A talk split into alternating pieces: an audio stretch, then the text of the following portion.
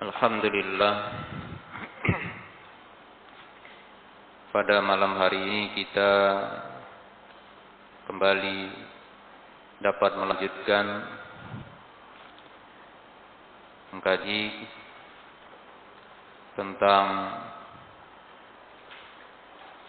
penjelasan dari nawakidil Islam, penjelasan dari pembatal-pembatal keislaman ditulis oleh Syekh Muhammad bin Sa'id Islam hafizahullah yang telah sampai pada pembatal yang ke-9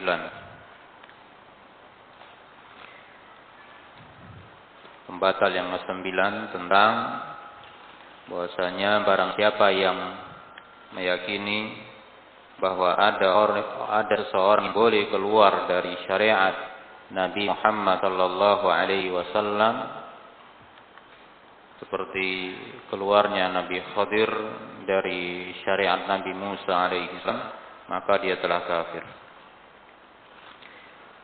Kita berada di penjelasan beliau di bagian akhir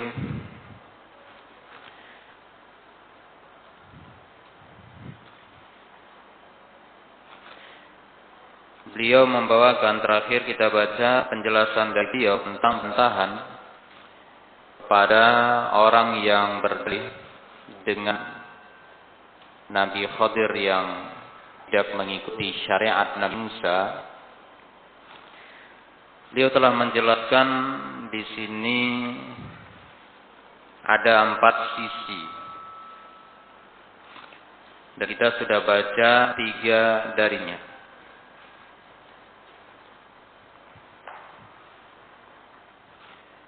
Maka kita akan lanjutkan sisi yang keempat.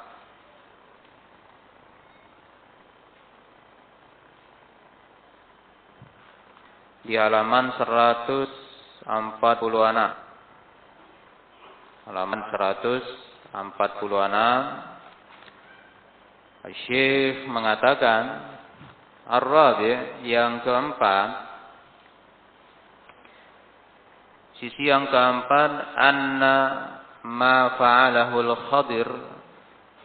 Bahwasanya apa yang telah dilakukan oleh Nabi Khadir innama kana an wahyin. Sesungguhnya yang beliau lakukan itu berdasarkan wahyu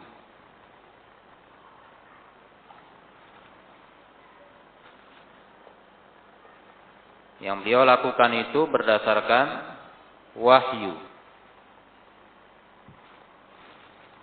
Nah, membocori kapal layang setelah dipinjamkan, membunuh anak kecil. Nah, ini perbuatan beliau ini beliau lakukan berdasarkan wahyu. Auhahu Allahu ilaih wahyu kepada beliau. Nah, jadi perbuatan dia ini datang wahyu. Ya, tiga perbuatan yang dilakukan ketika diikuti oleh Nabi Musa alaihissalam semuanya adalah berdasarkan wahyu. Sedangkan wahyu pada kota di Nabi Sallallahu Alaihi Wasallam. Sedangkan yang namanya wahyu tentu telah habis. Wahyu itu telah terputus dengan meninggalnya Nabi Muhammad sallallahu alaihi wa alihi wasallam. Nah, sehingga wanita tahu kalau sehingga siapa yang mengaku-ngaku masih ada maka dia kafir. Nah, jadi sangat berbeda ya keadaannya. Dari sisi keempat ini juga jelas bahwa apa yang dilakukan oleh Nabi Khidir itu berdasarkan wahyu. Allah wahyu Nah, kalau kita yang ngaku orang ngaku dia sudah berada di tingkat sebuah tingkah dia luar dari syariat itu dasarnya apa? Ya, kok bisa-bisanya nyamakan dengan cerita Nabi Khadir dengan Nabi Musa? Kalau Nabi Khadir dasarnya wahyu, kalau dia dasarnya apa? Mau bilang wahyu, wahyu sudah habis. Itu meninggal Nabi Muhammad sallallahu alaihi wasallam, maka habis, tak ada. Tidak ada lagi wahyu. Nah, kalau ada yang anggap oh masih ada wahyu, kafir. Baik, Jadi berbeda ya. Ini namanya pengkiasan yang sesuatu dengan sesuatu yang sangat berbeda. Baik. Jadi dengan empat perkara ini terbantah dengan jelas ya lemahnya Baik. Mereka menyamakan kejadian Nabi Khadir dengan Nabi Musa dengan seorang hari ini setelah diutusnya Nabi Muhammad sallallahu alaihi wa alihi wasallam yang keluar dari syariat beliau. Nah, sehingga enggak ada tak ada alasan apa pun, siapa pun itu, seberapa tinggi pun derajatnya. Nah, tidak ada yang boleh keluar dari syariat Nabi Muhammad sallallahu alaihi wa alihi wasallam. Nah, Kemudian kata beliau, kata Syekhul Islam rahimahullah berkata Syekhul Islam Ibnu Taimiyah rahimahullah dalam kitab Majmu' Fatawa Kata beliau qad ulima bil ittirari min dinil Islam. Kata beliau telah diketahui bersama secara mendasar dari agama Islam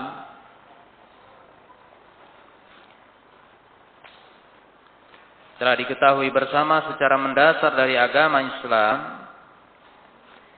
anna risalata Muhammad ibni Abdullah bahwasanya risalah Nabi Muhammad ibni Abdullah sallallahu alaihi wa alihi wasallam li jami'in nas untuk semua manusia. Untuk semua lapisan manusia.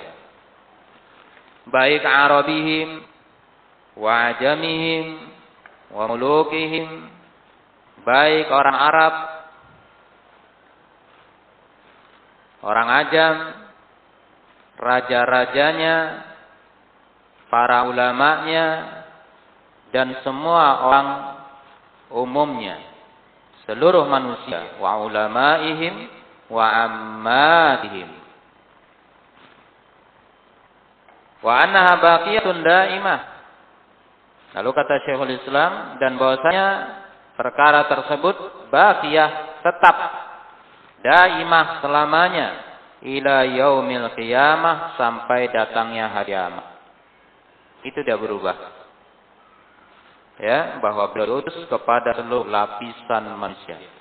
Sehingga agama Islam syariat Islam ini untuk semua manusia. Jadi agama Islam itu bukan agama untuk orang Arab. Ya sehingga agama Arab Islam Santara ya salah jelas salah kaprah. Syariat ini untuk semua manusia. Apa yang dibawa oleh Nabi Muhammad Shallallahu Alaihi Wasallam itu untuk semua manusia. Ya untuk maslahat kepada manusia. Ya, untuk semuanya, di mana pun mereka berada, apa pun bahasa mereka, apa pun e, warna kulit mereka. Baik, maka beliau diutus untuk semua manusia. Dan agama ini memang Allah buat. Islam memang sudah Allah tentukan. Ya, pas untuk manusia di setiap waktu dan di setiap zaman. Hanya saja tinggal penerapan kita saja. Untuk orang Arab cocok, ya. Untuk orang Indonesia cocok, untuk siapa saja, di mana saja tinggal. Agama ini sudah cocok. Kenapa tidak? Karena yang membuatnya zat yang maha mengetahui segala sesuatu. Dia tahu segalanya. Allah mengetahui semuanya, apa yang baik, apa yang cocok untuk manusia. Nah. Lalu kata beliau bala'ama bala'ama lisaqalaini al-jinni wal insi. Bahkan risalah beliau ini umum untuk semuanya jin maupun manusia bahkan untuk jin juga ya. Wa annahu laysa li ahadin dan bahwasanya tidaklah boleh bagi seseorang. Minal khalaik dari makhluk ini al khuruj an mutaba'atihi wa ta'atihi. Tak ada boleh seseorang pun dari makhluk ini dari manusia maupun jin yang keluar dari mengikuti beliau, mentaati beliau, wa mulazamati ma yashra'uhu li ummatihi minad din dan eh, berpegang terus menerus dengan syariat beliau dari agama ini. Wa ma lahu min fi'lil ma'murat wa tarkil mahdhurat dan apa yang telah beliau sunnahkan buat mereka dari melakukan apa yang diperintahkan, meninggalkan apa yang dilarang. Balau kanal anbiya al-mutaqaddimun ahya, bahkan kata Syekh, kalau ini kalau ya, kalau seandainya para nabi-nabi terdahulu mereka itu masih hidup ketika Nabi Muhammad sallallahu alaihi wasallam diutus, sungguh lawajib alaihim mutaba'atuhu wa mutawa'atuh. Sungguh kata beliau wajib bagi mereka untuk mengikuti beliau dan taat kepada beliau. Nah, ya. Kalau mereka masih hidup ketika Nabi diutus wajib untuk taat mereka wajib untuk mengikuti, untuk taat kepada syariat beliau. Apalagi manusia biasa. Ketika Nabi Muhammad diutus, dia hidup, dia ada, maka wajib dia mentaati Nabi Muhammad sallallahu alaihi wa alihi wasallam. Lihat dalilnya Allah Subhanahu wa taala pernah berfirman. Ini dalilnya, ya. Bisa kita lihat di surah Ali Imran di ayat 81. Ya, ini dalilnya kalau seandainya para nabi terdahulu mereka masih hidup ketika nabi diutus, mereka wajib mengikuti beliau. Dalilnya di dalam di dalam surah Al Imran di ayat, di ayat 81 kata Allah Subhanahu wa taala wa idza akhadallahu mitsaqan nabiyyin kata Allah dan ingatlah Ketika Allah mengambil perjanjiannya dengan para nabi. Ingatlah ketika Allah mengambil perjanjian dari para nabi yang dunia. Bahwasanya lama ataitukum min kitabin wa hikmah. Kata Allah, sungguh apa pun yang telah aku berikan kepada kalian berupa kitab dan hikmah. Kemudian summa ja'akum rasulun. Kemudian datang kepada kalian seorang rasul musaddiqun lima ma'akum yang membenarkan apa yang ada pada kalian la tu'minun nabihi kata Allah sungguh kalian harus beriman dengannya wala tansurunna dan kalian harus menolongnya Nah, setiap nabi itu. Setiap nabi yang Allah utus, Allah ambil perjanjian itu darinya. Ya, kalau dia masih hidup, kalau nabi itu masih hidup, ketika Nabi Muhammad diutus, dia harus perjanjiannya, dia harus beriman kepadanya dan menolong dakwahnya. Nah, kemudian kata Allah, "Qala aqrartum?" Kemudian Allah bertanya, kepada Nabi tadi ketika dibuat perjanjian seperti itu. Kata Allah, "Aqrartum wa akhadtum 'ala dzalikum isri?" Kata Allah, "Apakah kalian mengakui? Kalian mengakui dan kalian mau mengambil perjanjian tersebut? Perjanjian yang demikian itu?" Mereka para nabi menjawab, "Qalu aqrarna." Mereka semua menjawab, "Kami mengakui." Kalau begitu kata Allah, "Fashhadu." Qala fashhadu wa ana ma'akum minasyahidin.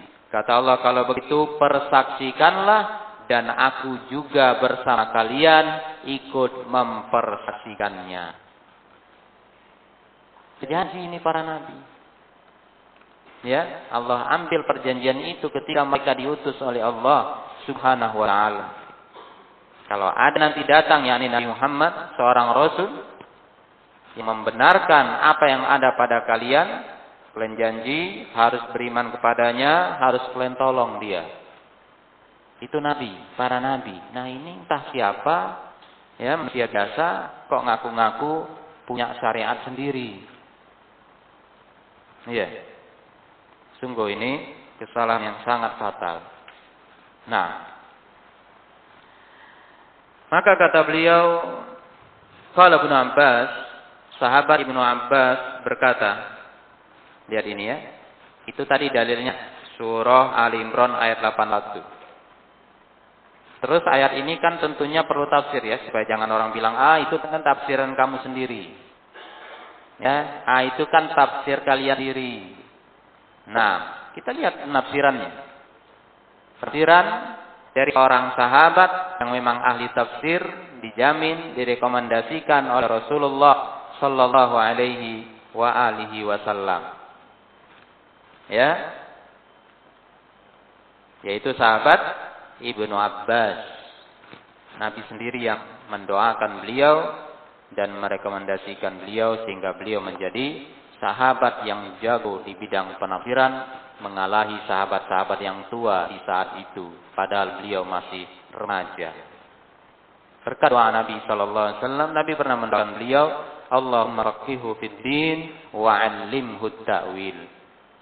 Rasul mendoakan beliau ya Allah pakaikan beliau ini Ibnu Abbas ini tentang agama dan ajari dia takwilnya ini penafsiran Al-Qur'an. Nah, enggak sahabat-sahabat besar bertanya kepadanya tentang penafsiran ayat. Nah, beliau mengatakan menafsirkan ayat ini apa kata sahabat Ibnu Abbas? Kata beliau, "Ma ba'atsallahu nabiyyan illa akhadha 'alaihi al-mitsaq." Tidaklah Allah mengutus seorang nabi pun melainkan Allah ambil atasnya perjanjian. Lain bu'isa Muhammadun, apa perjanjiannya itu? Sungguh, jika diutus Nabi Muhammad, wa huwa hayyun, dalam keadaan dia masih hidup, la yu'minun nabi la yu'minan nabihi wa la. Sungguh dia harus beriman kepada Nabi dan menolong dakwah Nabi. Lihat penafsirannya ya, jelas dari sahabat Ibnu Abbas. Dan juga wa amarahu bi aqdil misak ala ummati dan demikian pula Allah memerintahkan untuk mengambil perjanjian ini atas umatnya.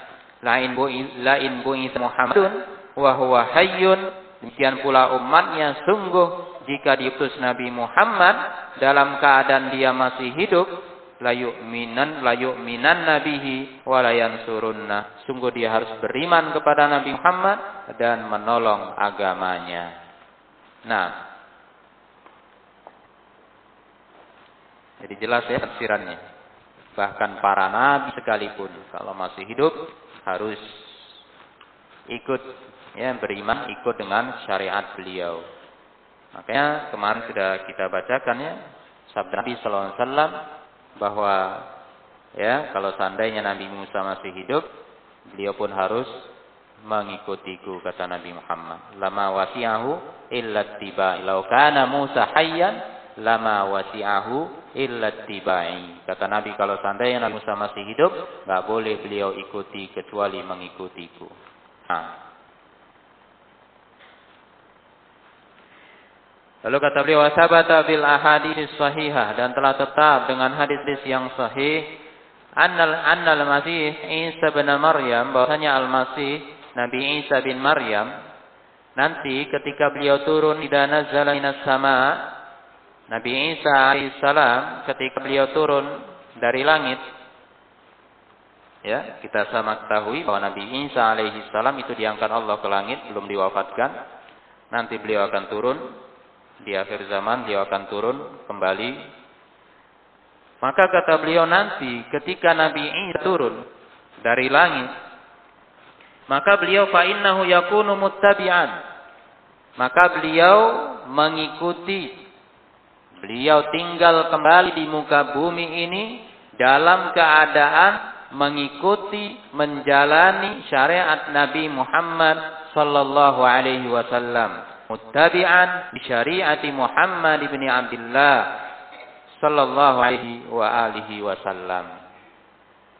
Nah, karena dia pun termasuk dari para nabi yang Allah ambil perjanjian darinya. Semua para nabi. Sehingga beliau turun nanti di akhir masa, ya, beliau pun hidup di muka bumi dengan menjalankan syariat Nabi kita Muhammad sallallahu alaihi wa alihi wasallam. Sehingga kata beliau fa idza kana yajibu tiba'u wa nasruh ala man yudrikuhu minal anbiya maka kata beliau apabila adalah wajib mengikuti beliau, wajib menolong beliau bagi orang yang menemui masih mendapati beliau yakni masih hidup dari kalangan para nabi fa kaifa biman dunahu? Maka bagaimana lagi dengan orang yang derajatnya di bawah mereka?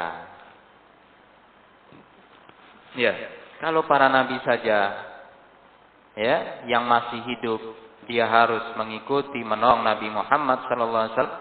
Bagaimana lagi orang dia? Orang biasa tentu lebih wajib lagi mengikutinya Lalu kata Syekhul Islam kembali kata beliau lima yu'lam bil min dinil Islam bahkan kata beliau termasuk pula dari perkara yang diketahui bersama secara mendasar dari agama Islam bahwasanya anahu la yajuz bahwasanya enggak boleh liman balagathu da'watuhu tak boleh bagi orang yang sampai kepadanya dakwah Nabi Muhammad sallallahu alaihi wasallam an yattabi'a syari'ata rasulin ghairi. Tak boleh ia mengikuti ya syariat rasul yang lain seperti Kaisa wa Musa seperti syariatnya Nabi Isa ataupun syariatnya Nabi Musa. Nah, tak boleh. Bagi siapa saja yang sampai kepadanya dakwah Nabi Muhammad sallallahu alaihi wasallam, dia tidak ada pilihan, tidak opsi. Wajib mau tak mau dia harus ikuti syariat Nabi Muhammad sallallahu alaihi wasallam. Kalau dia ikuti syariat Rasul yang lain, maka dia kafir. Tak boleh. Ya, walaupun itu syariat Nabi Isa, walaupun syariat Nabi Musa. Nah, kata fa illam yajuz al-khuruj an syariatihi la syariati rasulin. Nah, kata beliau jika tak boleh keluar dari syariat beliau kepada syariat rasul yang lain, bagaimana lagi keluar dari syariat beliau dan keluar dari syariat para rasul. keluar di syariat Nabi Muhammad, keluarnya kepada syariat Rasul yang lain. Enggak boleh. Ya, apalagi keluarnya bukan kepada syariat siapa-siapa. Maka tentu ini lebih besar lagi larangannya. Nah, nah jadi jelas sekali ya ini eh, dijelaskan oleh Syekhul Islam dalam kitab Majmu' al-Fatawa. Baik. Ya, selesai penjelasan beliau. Kemudian kata beliau al-khilafu fil khadir perbedaan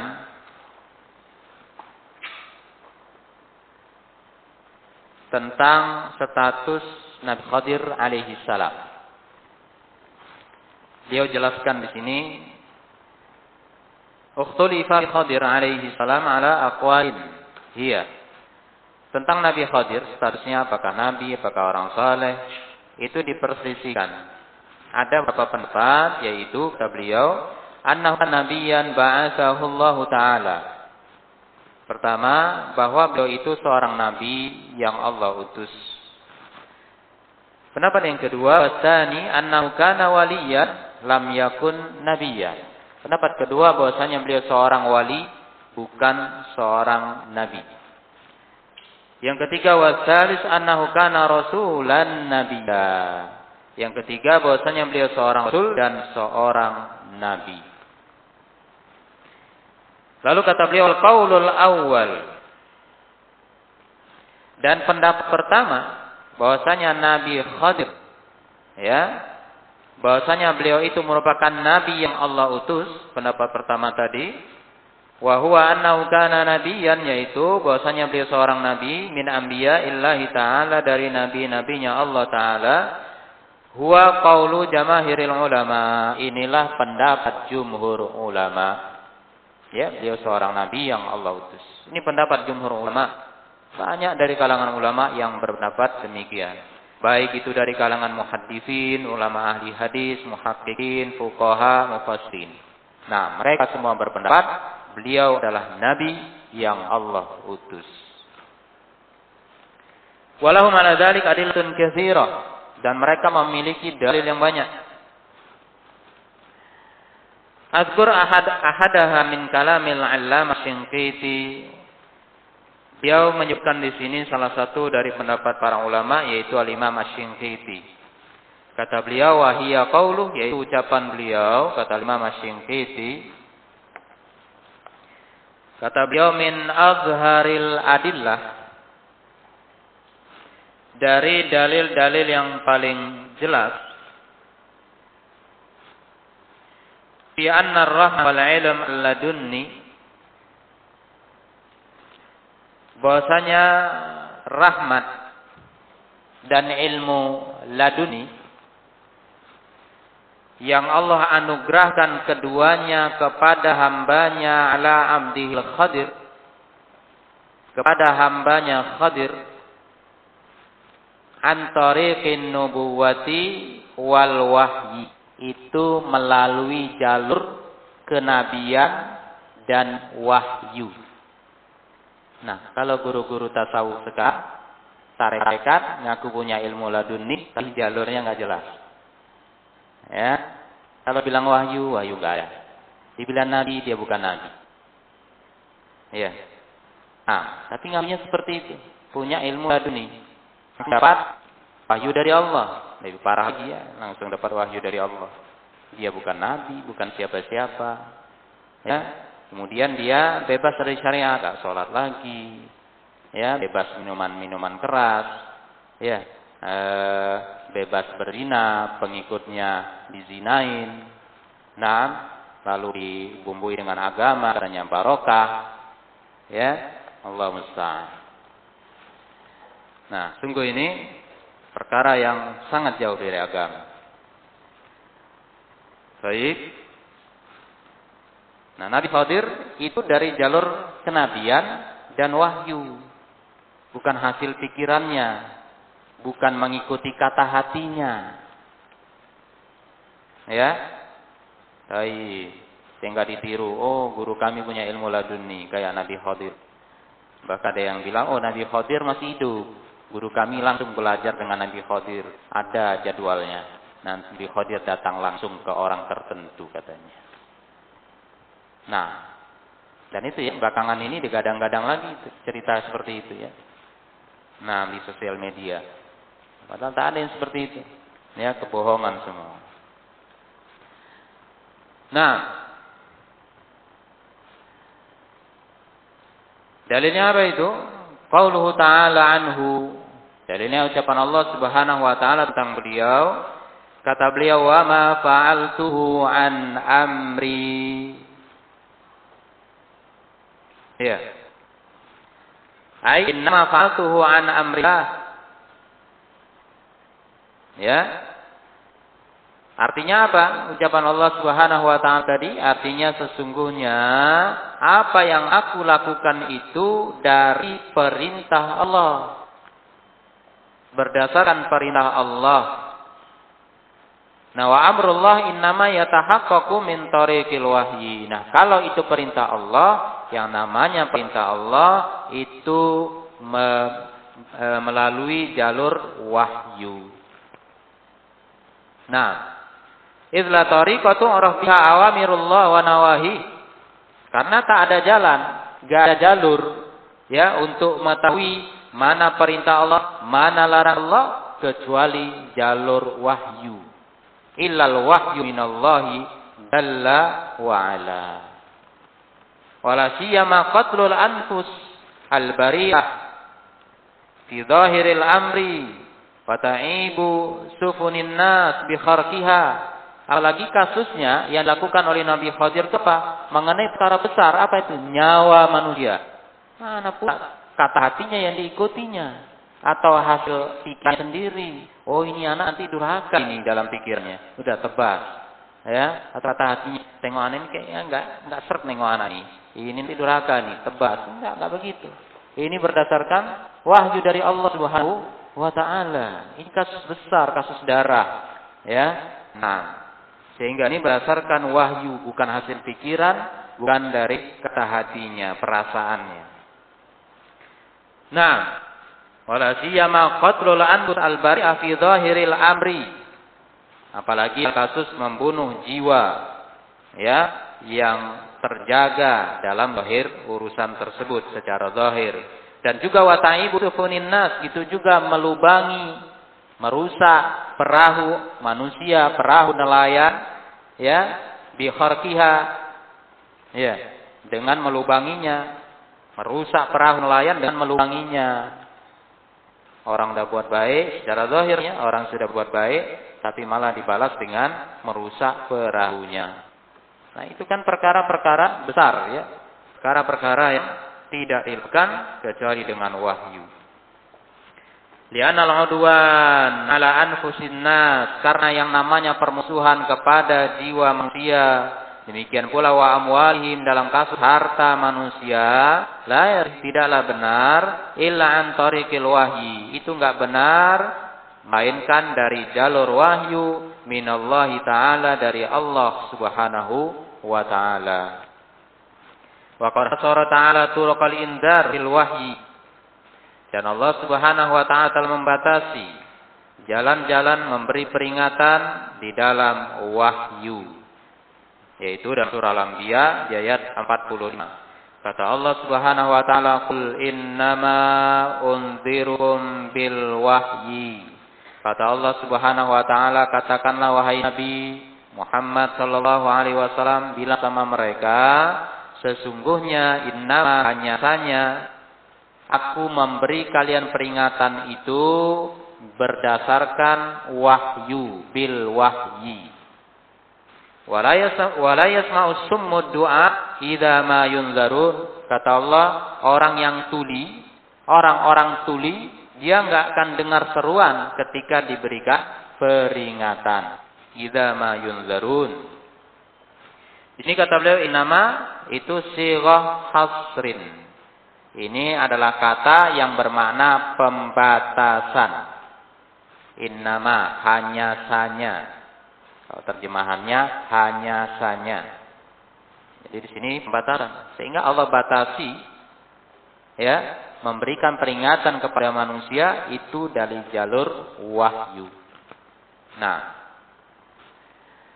Nah dengan ini kata beliau dengan penjelasan ini seluruhnya yattadih menjadi jelas.